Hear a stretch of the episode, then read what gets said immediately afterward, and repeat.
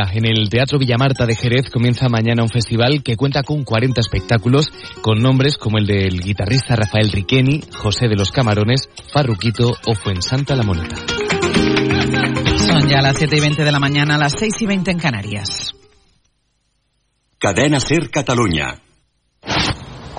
Allà on vagis, Ser Catalunya t'acompanya. Escolta Ser Catalunya en directe des de qualsevol lloc Som a la barra de bar amb la Núria Casas. amb l'aplicació de la cadena Ser. Som a tot arreu. Som al teu costat. Descarrega't l'app de la Ser, cadena Ser, i busca Ser Catalunya. Ser Catalunya. Arroba Ser Catalunya. Al perfil de Ser Catalunya trobaràs tot el que passa davant i darrere els micròfons. Posa cara a la ràdio i no et perdis res. Segueix Ser Catalunya a Instagram. Arroba Ser Catalunya.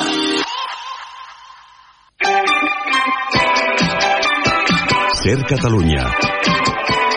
La força de la conversa.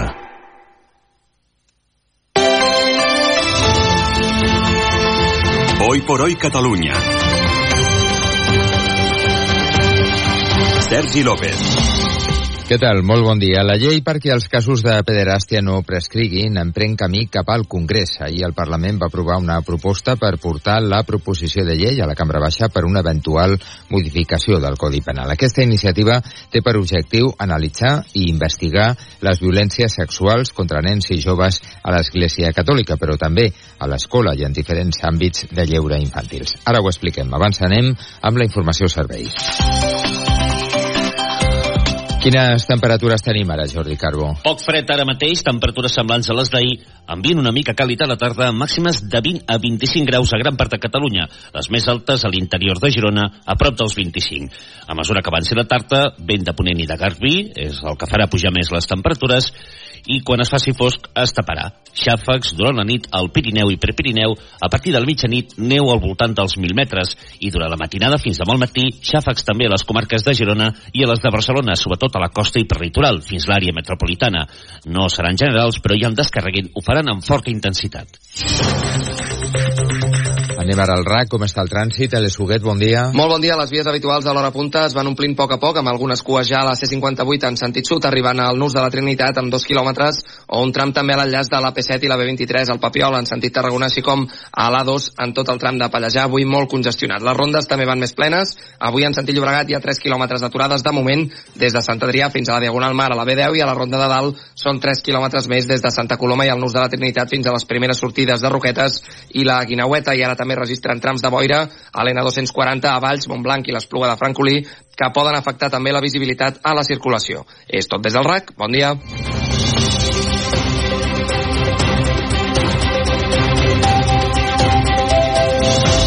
Arnau Baquer, bon dia. Hola, Sergi, bon dia. Us ho avançàvem a l'inici. El Parlament porta al Congrés dels Diputats que els delictes d'abusos sexuals infantils no prescriguin. Una iniciativa que ha tirat endavant amb els vots a favor del PSC, d'Esquerra, de Junts, els Comuns i Ciutadans. Ara cal que la cambra baixa i doni llum verda. Sí, ahir es va fer un primer pas al Parlament, però ara cal que la cambra baixa, és a dir, el Congrés dels Diputats, doni llum verda perquè accedeixi a reformar el Codi Penal. Una reforma que no tindrà caràcter retroactiu, però que servirà per protegir els menors a partir d'ara. Perquè no ens beneficia directament. És una llei que servirà per protegir les generacions futures. És Miquel Hurtado, víctima dels abusos sexuals del germà Andreu a l'abadia de Montserrat, qui celebrava el pas que es va fer ahir al Parlament. Sentim ara diputades del PSC, Esquerra, Junts i Comuns. Que la imprescriptibilitat protegeix a les víctimes adaptant-se a la seva maduresa emocional. Perquè no, perquè els abusadors no són un desconegut en un carrer fosc, també hem de trencar amb aquest imaginari. Que això no va només d'Església, perquè aquí durant molts anys els poders públics també hi han tingut un paper rellevant. És només un primer petit pas, però creiem que és un pas important. Vox, en canvi, va votar en contra i els populars, igual que la CUP, s'hi van abstenir per la manca de retroactivitat de la reforma. Avui sabrem el contingut de la sentència del judici contra Dani Alves per presumptament violar una jove a la discoteca Sutton al desembre del 2022. L'Audiència de Barcelona l'ha citat avui a les 10 del matí per comunicar-li el veredicte. Amb els detalls, Pol Valero. Dues setmanes després de la fi del judici, Dani Alves tornarà a ser traslladat en furgó policial des de la presó de Brians 2 cap a l'Audiència Provincial, avui per conèixer la decisió del tribunal. Recordem que en el judici la víctima va ratificar el seu relat dient que Alves la va forçar a tenir relacions sexuals al lavabo d'un reservat de la discoteca, mentre que l'exjugador, que durant tot el procediment ha explicat cinc versions diferents, va testificar que les relacions havien estat consentides i va alegar que aquella nit havia begut molt. El futbolista fa més d'un any que és a la presó provisional per evitar el risc de fuga i s'enfronta a una pena de fins a 12 anys de presó. Hoy por hoy Cataluña. En Sonpura velamos por tus sueños. Porque sabemos que un buen descanso es el inicio de un gran día. Descubre nuestra gama de colchones. Sonpura, eres lo que duermes. Si sumem una veu històrica de la ràdio Al llarg d'una hora i mitja us ha parlat Adelina Castillejo. a una de ben familiar pels oients de Ser Catalunya, Si us dic, eliminar impost de successions i garantir la construcció del Hard Rock, em direu, a veure, Marina, que estàs caducada. Però no. el resultat és Converses de Ràdio. Adelina Castillejo i Marina Fernández et conviden a una xerrada sobre el passat, present i futur del mitjà que ens apassiona. T'esperem a l'estudi Toreski de Ràdio Barcelona el proper dilluns 26 de febrer a les 5 de la tarda. Reserva la teva invitació enviant un WhatsApp al 648 83 43 78. 100 anys de ràdio amb el suport de la Generalitat de Catalunya.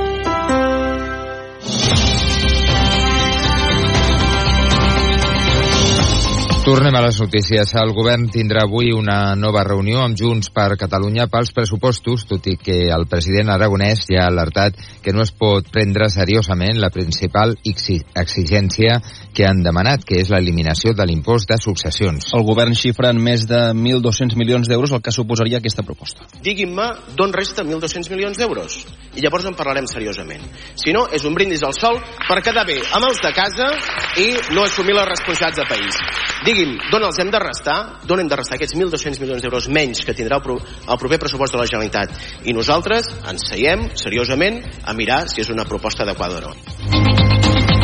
Plataforma per la Llengua considera del tot insuficient el pla del govern per millorar l'ús del català en l'àmbit sanitari, un pla que contempla cursos gratuïts per a 2.700 professionals de la salut. L'entitat es declara decebuda i emprenyada a parts iguals. Diuen que és obligació del govern normalitzar la llengua catalana i garantir els drets lingüístics dels ciutadans, també en l'àmbit de la salut. De la seva banda, el conseller del RAM, Manel Balcells, ha explicat al Parlament que uns 1.500 professionals de la sanitat pública ja s'han inscrit als cursos de català gratuïts que el govern va oferir ara fa una setmana. El total de places és de 2.700. Hoy por hoy Catalunya. Els joves catalans creuen que el feminisme ha anat massa lluny i que els discriminats ara són ells. Són dades del seu, el Centre d'Estudis d'Opinió, que també destaca que algunes dones posen denúncies falses per fer mal a la seva parella. Sí, més de la meitat dels joves d'entre 16 i 24 anys creu que el feminisme ha anat massa lluny. De fet, gairebé un 60% creu que fins i tot algunes dones posen denúncies falses per obtenir beneficis econòmics. El director de l'enquesta, Jordi Muñoz, creu que aquestes opinions són majoritàries entre les formacions de dreta. Observem un patró de moviment cap a la dreta del, dels nois joves, que tenen a veure amb la ideologia, amb la identificació amb l'extrema dreta o amb, o amb posicions conservadores. L'enquesta també recull que els nois joves i votants de Vox són els únics que creuen que els qui pateixen a desigualtats són ells, els homes. 186 exposicions, 6.700 activitats i més de 5 milions i mig de visitants.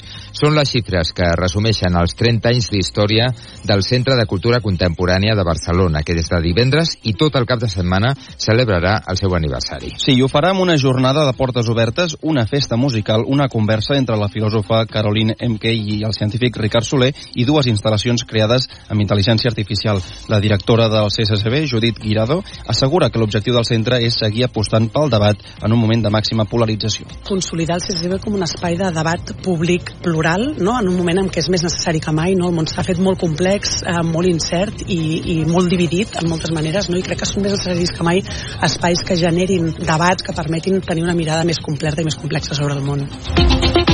I ara anem amb els esports. El Barça no pot passar de l'empat a 1 a Nàpols, tot i ser superior en bona part del partit d'anada dels vuitens de final de la Champions. Joan Tejedor, bon dia. Bon dia. La primera mitja hora va ser una de les millors de la temporada del Barça que no es va poder avançar el marcador fins al quart d'hora de la segona meitat amb gol de Lewandowski. O si ben a 15 minuts del final va empatar pel Nàpols i va deixar els Blaugrana i el seu tècnic Xavi amb la mel als llavis. Jo per mi és una llàstima, una llàstima. Avui em, em queda una sensació d'amargant, no? Crec que hauríem d'haver guanyat aquest partit.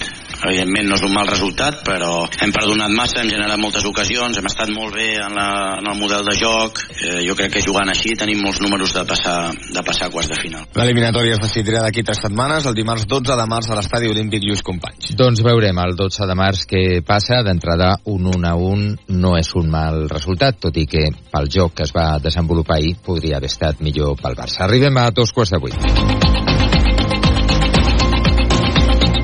Son las siete y media, las seis y media en Canarias. Hoy por hoy, con Ángeles Barceló. Se llamaba Celestino Alfonso, era español y es un héroe para los franceses. Desde ayer, el nombre de este resistente antinazi está escrito en el panteón donde Francia tiene enterrados a sus personajes más ilustres. Celestino Alfonso fue fusilado junto a los otros 23 hombres comunistas que los nazis ejecutaron hace ahora 80 años. Con esta actuación en directo, con la solemnidad que dan en Francia los actos oficiales y en especial a los que tienen que ver con la recuperación y el prestigio de la memoria, la República y su presidente Manuel Macron homenajearon en París a este grupo de resistentes e ingresaron en el panteón los féretros del líder del llamado grupo de Manouchian y de su esposa. Convocaron además a un gran número de jóvenes para que asistieran al acto y conocieran la historia de estos combatientes que habían nacido fuera de Francia y que fueron ejecutados en la lucha precisamente por la democracia francesa. Corresponsal Vicens Batalla. Buenos días. Con los féretros de Misak Manouchian y de su esposa Méline entraron también con su inscripción en la cripta del Panteón francés los nombres de hasta 24